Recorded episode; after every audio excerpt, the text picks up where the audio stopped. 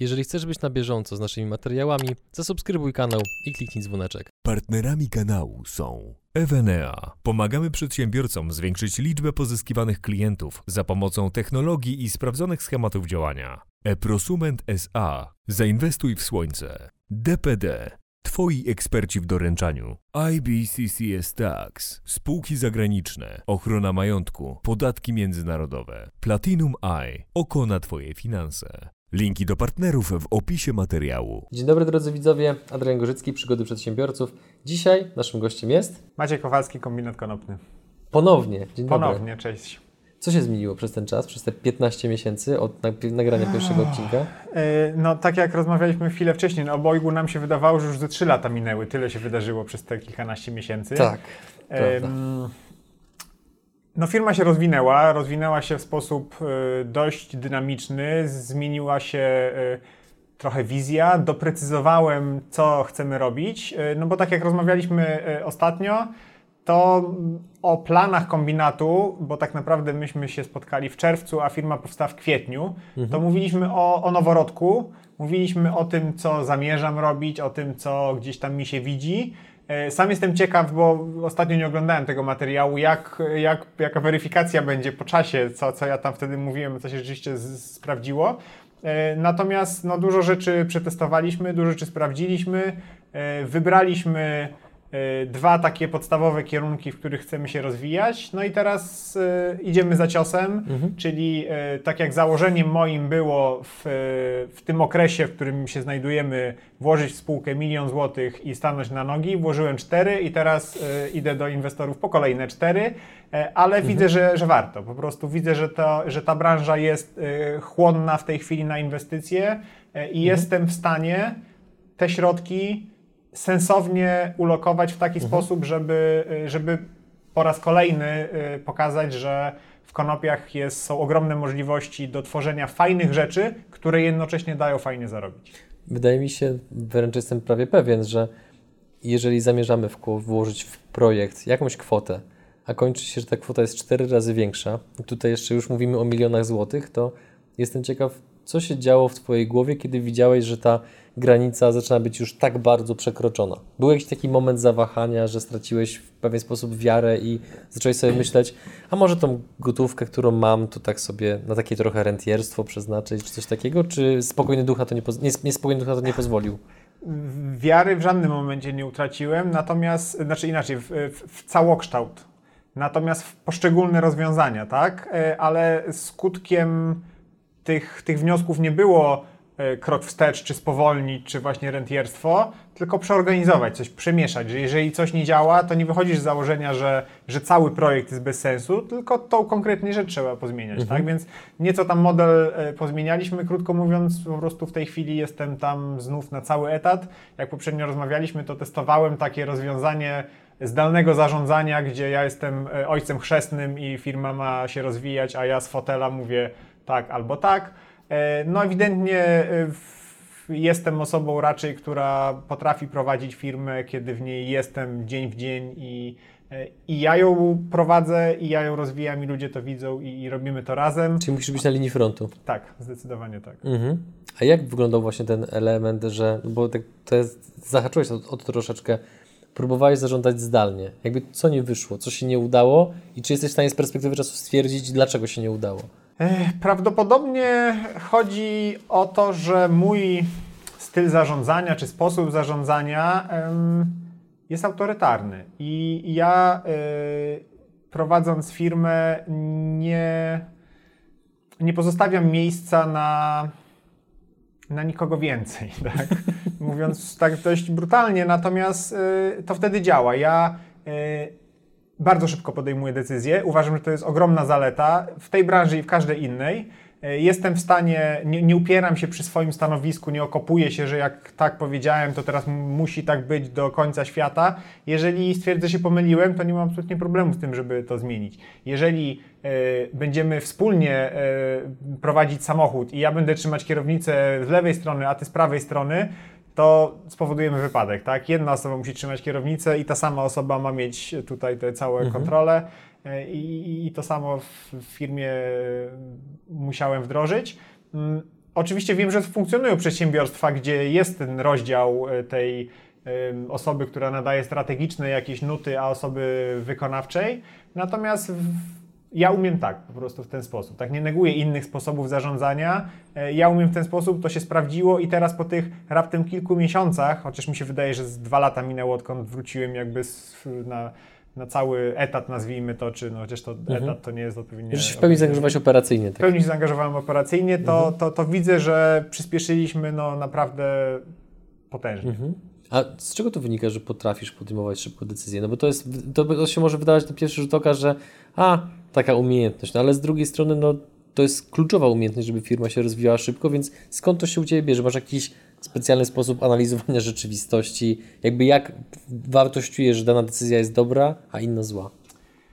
To jest umiejętność balansowania na granicy szybkiego podejmowania decyzji i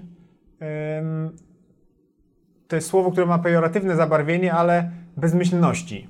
Takiej, bo ja nie prowadzę analizy SWOT każdorazowo, bo jeżeli ktoś e, w ten sposób, znaczy inaczej, jeżeli prowadzisz kopalnię miedzi, to musisz robić analizę SWOT, bo to jest branża ustabilizowana, yy, zależy życie ludzi tam pod ziemią gdzieś i tak dalej, tak? Natomiast jeżeli to jest kwestia, nie wiem, doboru opakowania na przykład, no to możesz sobie grupy fokusowe robić, możesz mielić to, ten temat w kółko, natomiast ja wolę popatrzeć, być to, E, ze świadomością tego, że mogę popełnić błąd i to, e, bo z jednej strony Twoje pytanie troszeczkę ma mm, taki podtekst, jak ktoś, kto nie umie szybko podejmować decyzji, mógłby się nauczyć podejmować szybko Zgadza decyzje. Mhm. No to część tego to jest po prostu taka jakaś wrodzona umiejętność, która jest mało dla, dla widzów yy, cenną informacją. Natomiast część tego, i to istotna, i ta, ta którą, której można się nauczyć, to nie bać się popełniać błędów. Ja popełniam masę błędów popełniał na pewno dużo więcej błędów niż wiele innych zarządzających, ale z tego względu, że podejmuje ogromną ilość decyzji.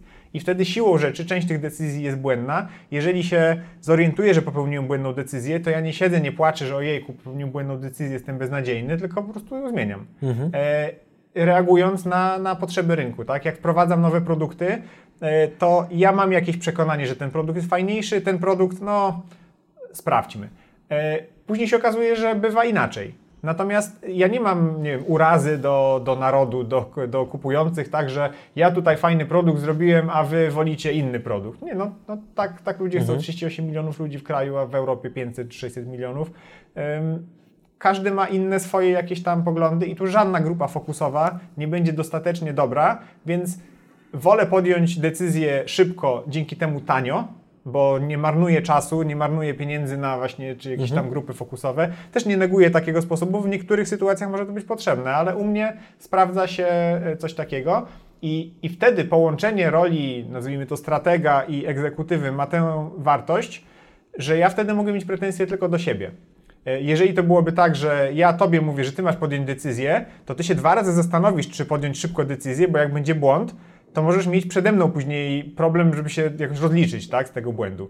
Jeżeli ja sam przed sobą muszę to, e, mhm. odpowiadam, że tak powiem tylko, no to, to nie z tym problemu. Wróćmy jeszcze na chwilę do pieniędzy, bo to jest chyba coś, co rozgrzewa generalnie umysły ludzi w każdym wieku, o każdym poziomie wykształcenia i zarobków. Miał być milion, włożyłeś 4 miliony. I teraz chciałbym zrozumieć mechanikę Twojego myślenia, w sensie takim, że żyjemy w czasach, w których już takim wręcz e, oklepanym stwierdzeniem jest, że pieniądze leżą na ulicach, że zewsząd jest możliwe pozyskanie finansowania, venture capital, e, anioły biznesu, jakieś tam fundusze europejskie.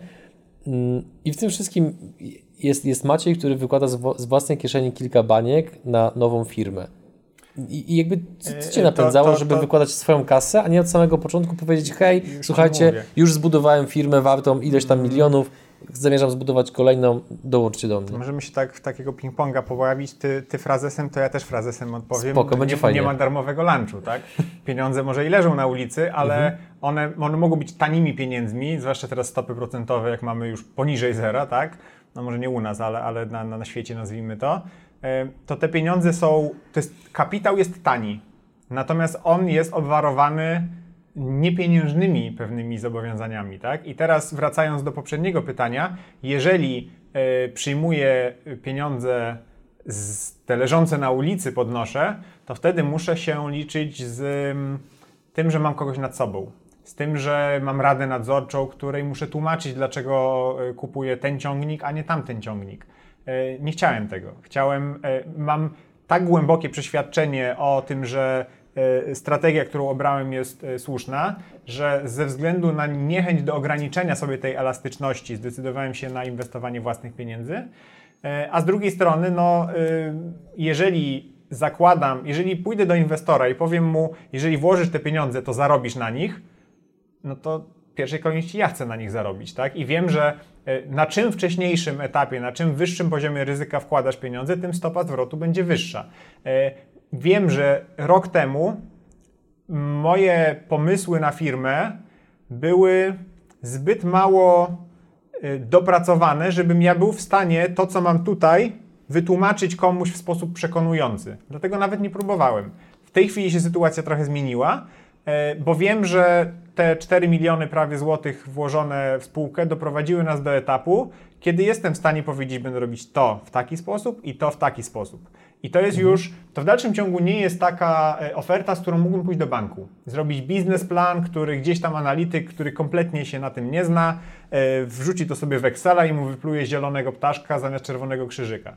E, natomiast jest to, jest to już etap, w którym ktoś, kto ma skłonność do inwestowania w rzeczy nowe, do przedkładania zaufania do osoby ponad Excela, e, mhm. jest w stanie w cudzysłowie kupić.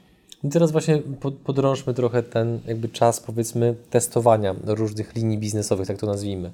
Przed nagraniem jak rozmawialiśmy, to mówiłeś, że kiedy zaczynałeś swoją karierę biznesową, no to spotykałeś się czasami z takimi sytuacjami, że tak podchodzą do ciebie, mówiąc bardzo wręcz eufemistycznie, ostrożnie, że tutaj jakiś koleś ma jakiś tam pomysł, jakiś taki młody chłopak, a teraz minęło kilka lat, jakby udowodniłeś swoją ciężką pracą, ogromnym skupieniem i poświęceniem tej branży, że miałeś rację, że jesteś w stanie tworzyć no, firmy, które potem są no, po prostu perłami, jeżeli chodzi o, o, te, o te branże. Celowo tutaj, drodzy widzowie, unikamy pewnego słowa, żeby Google się na nas nie obraził. No i teraz jesteś w sytuacji, w której już nie patrzą na ciebie jak na właśnie chłopaka, który ma jakiś plan, tylko jak to sam użyłeś tego sformułowania, które bardzo mi się spodobało, tylko teraz bardziej patrzą na, ten takiego ekscentrycznego milionera troszeczkę. No i teraz jakby tutaj jakby to jest tylko taka dygresja, bo chciałbym zrozumieć i zobaczyć Twoimi oczami, jak wyglądał ten etap tego takiego testowania, gdzie właśnie ekscentryczny milioner brał pieniądze na widły i wrzucał do pieca, żeby testować produkty, które potem no, stwierdzał, że dobra, czerwony krzyżyk, tego produktu nie będziemy robić. E, żeby nie poświęcić teraz półtora roku na tą rozmowę, tak, tylko e, w jakiś taki zwięzły i obrazowy sposób to pokazać, to na jednym przykładzie.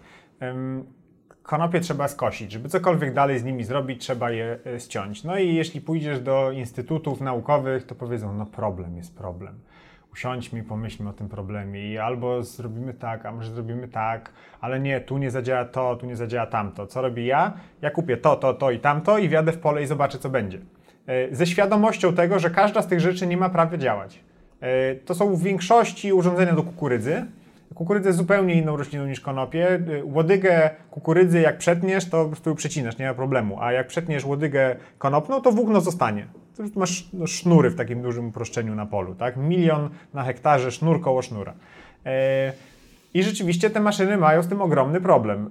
Jak próbowałem namówić producentów maszyn, żeby przyjechali na testy, to mi powiedzieli, nie, no oni, oni się nie zgadzają, szkoda im tych maszyn. Jak z rosyjską firmą, która robi maszyny, które są takie troszeczkę bardziej toporne, ale dzięki temu no, wytrzymałe i, i, i bardziej można je dopasować do innych kultur, kultur w znaczeniu y, y, roślin uprawnych.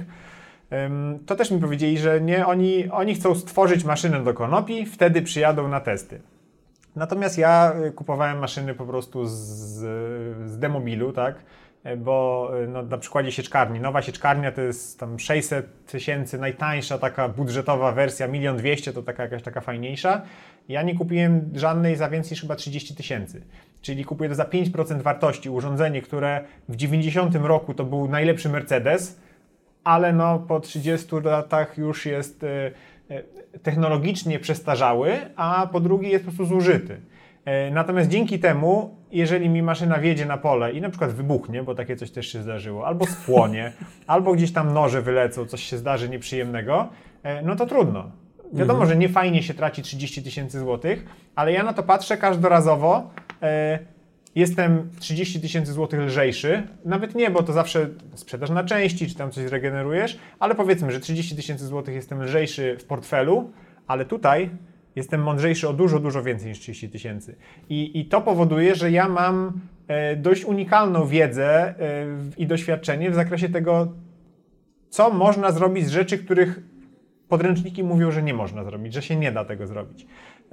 No i w ten sposób udało się jednak którąś z maszyn w końcu trafiliśmy, że ona owszem działa, robi robotę, którą e, no, tak zwani specjaliści mówią, że jest niewykonalna, E, ja to robię maszynami za, za śmieszne pieniądze. Oczywiście wydajność tego, przez to, że są to maszyny przestarzałe, jest niewysoka, ale. Ale da się. Ale da się i ja teraz wiem, co zrobić z maszynami nowszymi, żeby je dostosować do tego zbioru. Nauczyłem się na maszynach starych, na maszynach, których nie bałem się e, e, ze szlifierką kątową pracownika dopuścić, żeby coś tam wyciąć, coś tam wyrwać, coś dospawać, coś przerobić, a to pasek klinowy sobie odwrócimy, a to to w ogóle weźcie na złom. I to jest E, to jest świetna zabawa, e, bo zacząłeś od tego ekscentrycznego milionera, tak? Niektórzy pojadą sobie nurkować gdzieś tam, e, a ja sobie kupuję sieczkarnię i jeżdżę po polu. No, to, jest, to jest moje hobby, które jednocześnie jest o tyle fajne, że tak jak normalnie pasje pochłaniają pieniądze, to u mnie to jest chwilowo pochłania, pochłaniacz pieniędzy, natomiast ja mam cały czas na końcu jak zrobić, żeby to działało, a jak zadziała, to nie ma 5% ponad koszty zarobić. To ma iść w wielokrotności nakładów. Mhm. Czyli drogą eksperymentów po prostu, po prostu próbujesz złamać szyfr w tym konkretnym, powiedzmy, produkcie, aspekcie czy branży. Tak, i to jest nadrabianie dekad, całych pokoleń straconej wiedzy, bo jeżeli spojrzeć na technologię uprawy kukurydzy czy rzepaku z roku 40, 80 lat temu, i próbować ją teraz zastosować, to się też rzeczywiście nie nadaje do, jak, jak pszenica rzucała tonę na hektar te 80 lat temu, a teraz potrafi 10 ton na hektar sypnąć, to tamtejsze metody są absolutnie nie do przełożenia, ale był inkrementalny wzrost technologiczny przez te lata. Z konopiami żeśmy stanęli na tych latach 40., 50. może i teraz musimy przeskoczyć. Mhm. E, więc ja muszę w te, ja w te dwa sezony robiłem to, czego się, co się nie działo przez 80 lat. Co cię napędzało, żeby testować rozwiązania, których, jak to ująłeś, tak zwani specjaliści mówili, że się nie da. Właśnie to. No bo właśnie. Ja, to jest wiesz, taka, taka. Bo wiele osób podchodzi tak, że jak specjalista mówi, że się nie da, to się nie da. A ty no, kupujesz maszynę, która potem, do tego też zaraz przejdziemy, wybucha ci na polu, bo testujecie. Trochę przekory, yy, trochę. Znaczy, jak, jak pierwszy raz się gdzieś przekonałem, że ci specjaliści się mylą, mm, no to, to zaczyna człowiek myśleć, w czym jeszcze się mylą. Czy, mhm. co, gdzie, jeszcze, gdzie jeszcze błędy popełniają. I, I, ja się sam zastanawiam na przykład, czy za 50 lat sam też taki sam będę, że będę, to nie, to nie, ja już, ja już wszystko wiem, tego nie róbcie, tego nie róbcie. czy to jest jakaś cecha charakteru, czy to jest cecha nabyta z, z, z wiedzy wynikająca? bo jak się spojrzy na historię, no nie chcę tutaj jakimś, jakiegoś przerostu ego przedstawiać, ale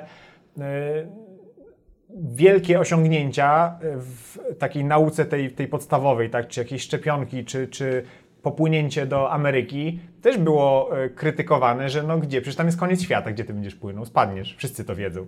E, a w końcu znalazł się wariat, który wziął i popłynął, tak, i zmienił mhm. świat. E, I to jest, to jest trochę to, to przekonanie, że, mm, że są, że, żeby naprawdę dokonać jakiegoś fundamentalnego przełomu, przełomu E, no to trzeba się autorytetom sprzeciwiać. Więc dla mnie, jeżeli ktoś usilnie mówi, że coś nie działa, to to jest wskazówka, że tam należy szukać. Hmm. Czy to jest bardzo ciekawe i jednocześnie w sumie jak tak sobie teraz szybko kawetkuję w głowie różne przykłady różnych firm, te, te które teraz znamy z pierwszych stron gazet, typu taki przy, przypadek chociażby Netflixa czy HBO, tak sobie człowiek zobaczy, jakie są początki tych firm, jak one w ogóle powstawały, to ta, te firmy, czy jakiekolwiek inne, które są gigantami obecnie, te początki nigdy nie były łatwe. No, urzekł, urzekł mnie tytuł, jak w Netflixa wspomniałeś. Nie, nie czytałem jeszcze wprawdzie tej książki, ale widziałem gdzieś na okładkę, to się nigdy nie uda. Tak. Piękne hasło, które Czytałem ja słyszałem wszystko. już nieskończoność razy. Mhm. E, co ciekawe, te, te autorytety, ci, ci, ci specjaliści w większości wypadków mają rację. Bo nie wiem, 90 czy 95% moich eksperymentów potwierdza, że oni mają rację. Natomiast y, ja wystarczy, że mam rację w tych, tych paru Tak. procentach przypadków i to mi po prostu pozwala pokryć koszty, jakie poniosłem w, na, na te wszystkie pozostałe eksperymenty. No Tutaj właśnie a propos Netflixa, bo mi się tą książkę udało przeczytać, naprawdę bardzo polecam. Niesamowicie napisana książka z z perspektywy jednego z założycieli, z takimi, wiesz, momentami pewnej dramaturgii, ale też refleksji, super książka. I tak naprawdę to, że teraz ta firma ma taki kształt, a nie inny, to był wynik pewnego rodzaju przypadku, który z kolei wynikał z wytrwałości, ponieważ oni nie mogli przez długi czas zrozumieć, dlaczego ludzie bardzo chętnie kupują od nich DVD, ale nie wypożyczają. I dopiero jak tam w pewnym momencie, nie będę spoilerował tym, którzy tą książkę chcą przeczytać, dopiero jak w pewnym momencie, już będąc na skraju bankructwa, stwierdzili, zróbmy coś turbo nieintuicyjnego, coś, co nam wszyscy odradzają i tam wprowadzili naraz trzy różnego rodzaju rozwiązania, które się okazały właśnie tym magicznym kluczem, który zmienił całą trajektorię firmy. Ta wytrwałość właśnie, nie? Ale wracając, dlaczego maszyna wybuchła? Sieczkarnia polega na tym, że jest element ruchomy i element stały, stalnica i noże. No i e, czym chcesz mieć większą dokładność cięcia, tym bardziej przysuwasz noże do stalnicy. No aż w końcu przysuniesz je za bardzo i nóż z prędkością 1500 obrotów po prostu się na tej stalnicy zatrzyma. No i gdzieś to ciśnie, ta, ten, ta, ta siła musi pójść, więc to poszło w całą, w całą obudowę. Ale nikomu nic się nie stało. Nie, nikomu się nic nie stało. No, y, oczywiście y, pracę z takimi maszynami, jak masz, inaczej, jak masz silnik, kilkaset koni mechanicznych i obrotowe elementy, to jest niebezpiecznie. To trzeba sobie powiedzieć, to nie jest miejsce, gdzie. Chciałem powiedzieć, gdzie chodzisz z kamerą za, a ja to właśnie robię, więc. No ale, ale to jest też ten komfort bycia na swoim, tak? Y, Ja nie, nie, nie wiem, nie pozwę prezesa firmy, jeżeli sam nim będę, jeżeli mi się coś stanie, tak? Nie, nie, nie, nie, nie zmuszam pracowników na przykład do podejmowania takich niebezpiecznych czynności, y, ale no teraz kończył się już sezon taki typowo rolny. W prasie rolniczej niestety każdego roku są informacje o wypadkach, o, no tak jak w górnictwie, tak? No po prostu praca, praca jest niebezpieczna i, i to się może zdarzyć, aczkolwiek to zazwyczaj ym, o tym mówię, bo to takie spektakularne, wiesz, bombowe, prawie że dosłownie, nie? Natomiast większość niepowodzeń polega na tym, że po prostu nie dzieje się nic. Właśnie na odwrót. Ma być boom, a jest pff. E, I, I masz sytuację no, w przypadku włókiennictwa, tak, gdzie koniec końców w takim ogromnym uproszczeniu chodzi o to, żeby te włókna ułożyć w jakąś taką ustrukturyzowaną linię i pocieniać, pocieniać, pocieniać, żebyś miał nitkę i później z tej nitki robisz już, wiadomo, wyroby tekstylne, e, no to ona się w tym zrywa. E, I jak się zrywa, no to nie ma spektakularnego zerwania się, tylko po prostu nie wypał. No, tak jakbyś e, samochód chciał skonstruować od zera, no to najczęściej niepowodzenie będzie polegać na tym, że po prostu nie odpali, że on nie ruszy. I, i, i takie rzeczy mamy najczęściej, gdzie coś wychodzi, ale nie takie jakbyś chciał. A wobec których produktów miałeś taką ogromną nadzieję, graniczącą wręcz z pewnością, że to będzie to? I to się okazało jednak potem totalnym jakimś rozczarowaniem czy Znaczy, ślepym zaułkiem. Tutaj słowo produkt jest może nieodpowiednie, bo co do produktów to mi się nie zdarzyło, że to, to jest ta wytrwałość, tak? E, jeżeli... To inaczej, co, testo, co testowałeś, wobec czego miałeś nadzieję, że zadziała, a nie zadziałało? Oho. A ile masz czasu? Półtora roku. Ym, troszeczkę muszę się wymigać od tej odpowiedzi, ponieważ te nieudane eksperymenty to jest mój największy know-how. E, I z jednej strony ja mam taką, taką bitwę wewnętrzną. E, Zależy mi na tym, żeby ludzie się o tych konopiach jak najwięcej dowiedzieli, ale z drugiej strony prowadzę firmę, żebym mógł sobie pozwolić na dalsze eksperymenty, to ta firma musi zacząć zarabiać. Jeżeli ja popełniłem jakieś błędy i się na nich nauczyłem, to one mnie kosztowały. Ja Jasne. mam tą wiedzę. Ja nie będę jej teraz komuś oddawać e, za darmo.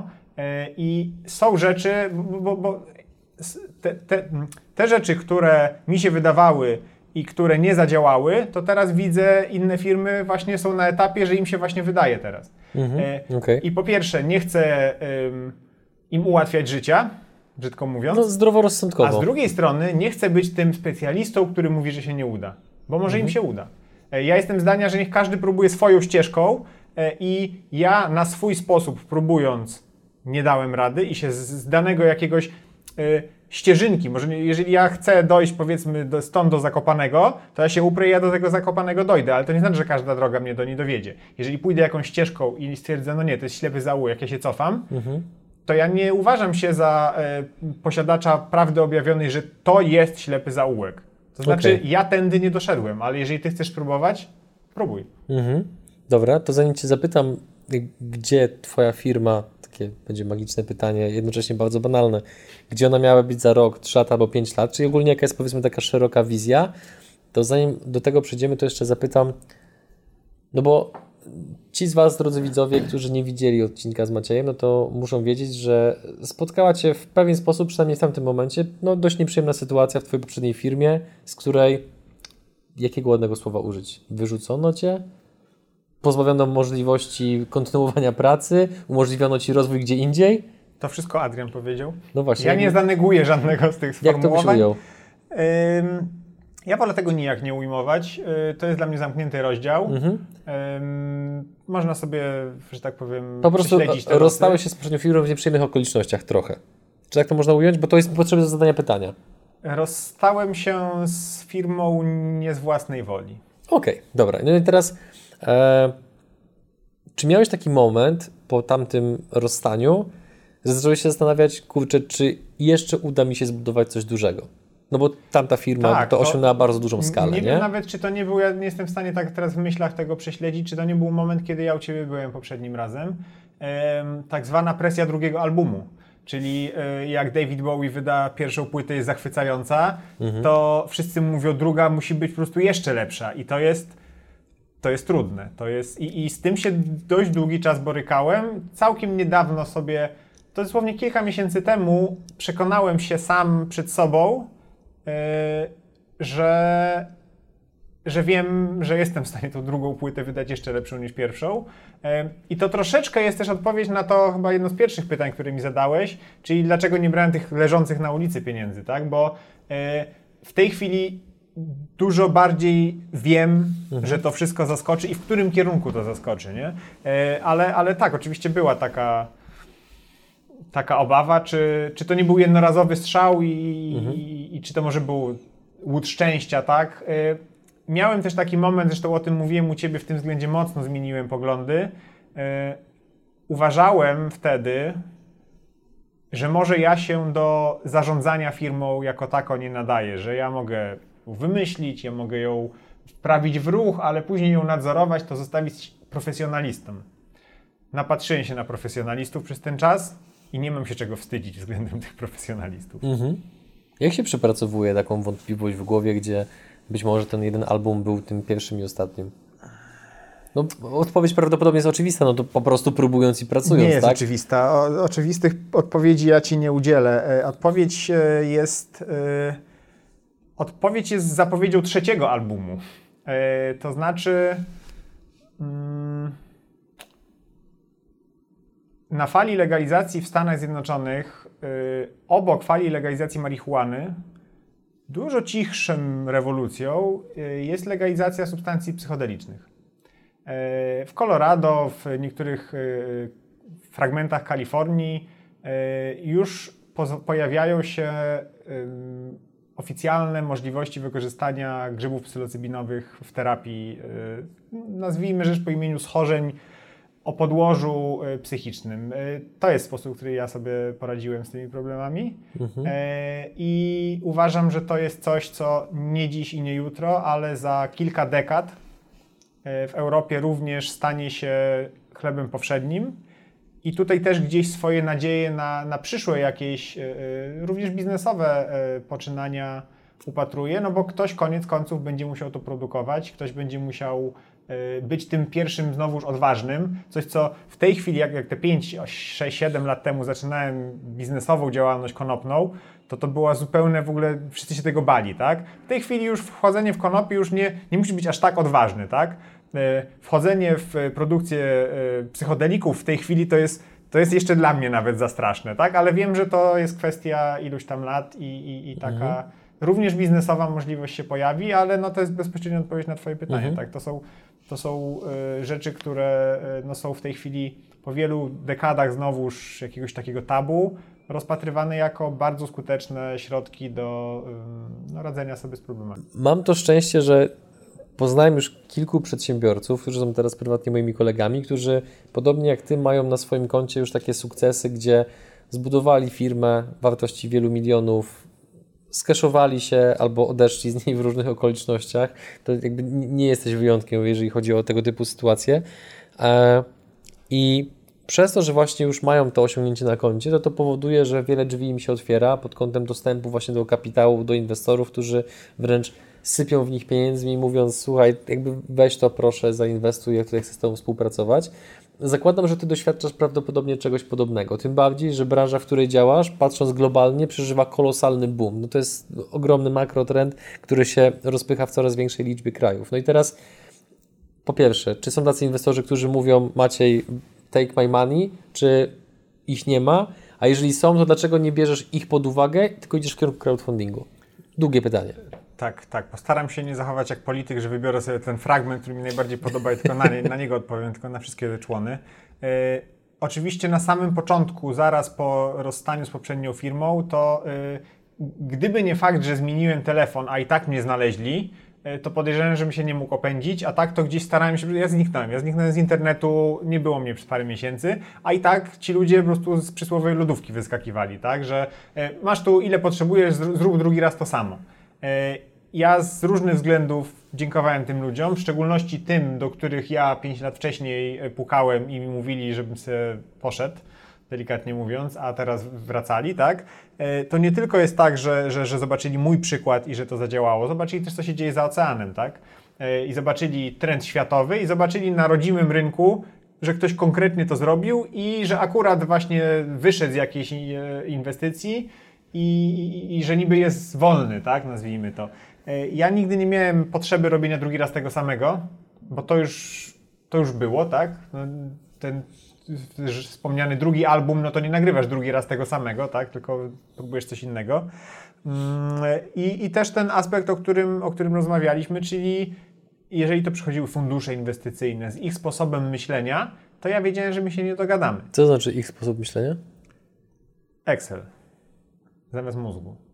To jest tragedia, to jest po prostu y, przyczyna y, idiotycznych, bo nawet nie głupich decyzji w tak wielu firmach, że mi się płakać chce, jak ja to widzę, na, na, na różnych przykładach, na różnych szczeblach, tak? bo to i na, na małych, i na najwyższych.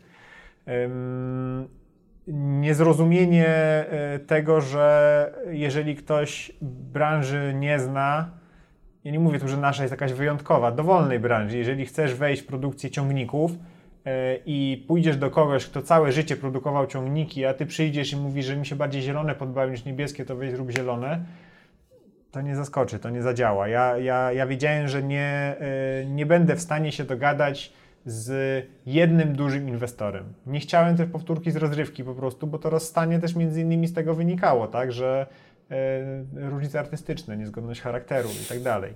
Mm, natomiast y, w tej chwili, to, to chyba trzecia część tego pytania, mhm. Rzeczywiście przygotowujemy się już bardzo intensywnie, bądź nawet w momencie emisji tego mm, programu być może już będzie trwała zbiórka crowdfundingowa. Jeżeli, jeżeli trwa, no to link oczywiście znajduje się w opisie filmu. Tutaj zależy mi na połączonych ze sobą rzeczach, ale tak mniej więcej trzech e, aspektach. Pieniądze, oczywiście tak, nie będę ukrywać, że że to jest nieistotny element. No, 4 miliony złotych moich prywatnych to są duże pieniądze i wiem, że jeszcze 4 miliony złotych są w tej chwili potrzebne, żeby to e, nie oglądając się na ograniczenia wynikające z płynności finansowej, zrobić wszystko, co wiem, co jest potrzebne na najbliższe dwa lata, żeby po prostu już ruszyć z przytupem, bo konkurencja nie śpi. E, przez konkurencję e, rozumiem w dużej mierze Azję, Pakistan, Indie, Chiny, oni są dość zaawansowani, jeśli chodzi o pracę nad włókienniczym obszarem mm, konopnym. E, I, I tutaj rok, dwa, trzy przewagi scenariusza wsparcia kapitałowego nad rozwojem organicznym to może zdecydować o sukcesie bądź jego braku.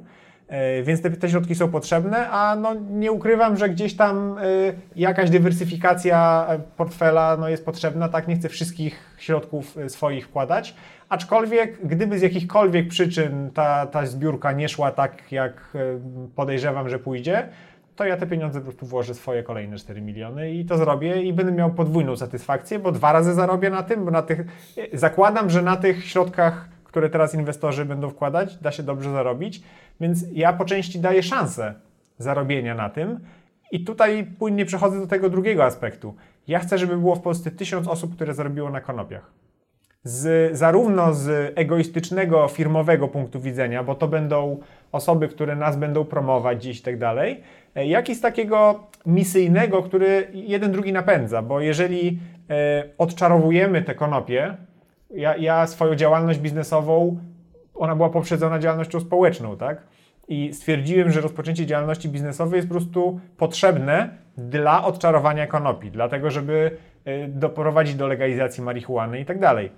I teraz, jeżeli będziemy mieć ten tysiąc osób, które w momencie debiutu naszego na giełdzie będą zarobione, mam nadzieję, że tylko na papierze, bo nie ma sensu, żeby z tego wychodziły z inwestycji, które jest korzystna, ale część osób na pewno się, jak to powiedzieć, skeszuje i, i, i mam nadzieję, że te osoby będą ładnie zarobione, to to będą najlepsi mm, zwolennicy tej idei. Oni zobaczą, tak, i to nie tylko samej firmy jako, jako spółki, tylko koncepcji y, konopi jako czegoś dobrego. Te skojarzenia, no pieniądze są, mają potężną moc przekonywania, tak? Jeżeli ktoś e, widzi konopie, obserwuje sobie, no fajne, fajne, to jest jednak co innego niż jak na nich zarobi. Ja e, widzę po, po swoim otoczeniu, jak ludzie zmienili e, ogląd, nawet po tych inwestorskich świadku, jak ludzie zobaczyli, że ja na tym zarobiłem, to nagle moje poglądy na temat legalizacji marihuany z zwariowanych stały się szanowane. Więc jeżeli ja jestem sam, to w swoim otoczeniu ileś tam ludzi mogę przekonać, chcę, żeby mhm. Polacy na konopiach zarabiali. A trzeci aspekt tego, tej, tej przewagi crowdfundingu nad własnymi pieniędzmi, czy nad jednym dużym inwestorem, czy, czy finansowaniem dłużnym z banku, e, to jest tysiąc osób w rodzaju przedstawicieli handlowych. Tak? Oczywiście to nie są osoby, które będą jeździć od sklepu do sklepu, ale to będą osoby, które opowiedzą w swoim kręgu, yy, nawet jako ciekawostkę, nie jako aktywna sprzedaż, tylko jeżeli w jakiejś luźnej rozmowie ze znajomymi, czy z rodziną, bliższą i dalszą, yy, pojawi się kwestia, yy, wiecie co, założymy lokaty na 1,5%, to raczej tej rozmowy nie będzie, nie? Ale jeżeli powiesz nawet, nawet 1000 zł, zainwestowałem, słuchajcie, w spółkę konopną, która robi, e, uprawia konopie pod Elblągiem i tak dalej, to masz od razu rozmowę. Ludzie się zaciekawią tym i to jest potężna wartość e, w budowaniu świadomości marki, w budowaniu jakiegoś takiego mhm. przekazu marketingowego, który bezpośrednio przekłada się na sprzedaż, bo jeżeli nasze produkty są w tej chwili oferowane tak są zioła na koncentrację, zioła na dobry nastrój, czyli tabletki uspokajające w takim dużym uproszczeniu, które kosztują 30 zł, rzecz bardzo przystępna i dostępna, to jeżeli usłyszysz o czymś takim i tysiąc osób opowie, nie wiem, 10 osobom, to 10 tysięcy osób usłyszy o tym produkcie, teoretycznie dotarcie do 10 tysięcy osób przez reklamę wykupioną nie jest trudne, ale zobaczenie reklamy gdzieś tam, billboardu czy, czy, czy banera w internecie to jest zupełnie co innego niż jak ktoś, kogo znasz, nie wiem, twój brat, siostra, znajomy z pracy mhm. E, powie, zainwestowałem w to, to jest dużo większa szansa, że ta osoba ten produkt kupi, a że produkt sam siebie broni, bo jest po prostu dobry i wszystkie produkty, które z, z, jakby wypuszczając, ja nie chcę się ich wstydzić, no to to jest samonapędzający się mechanizm.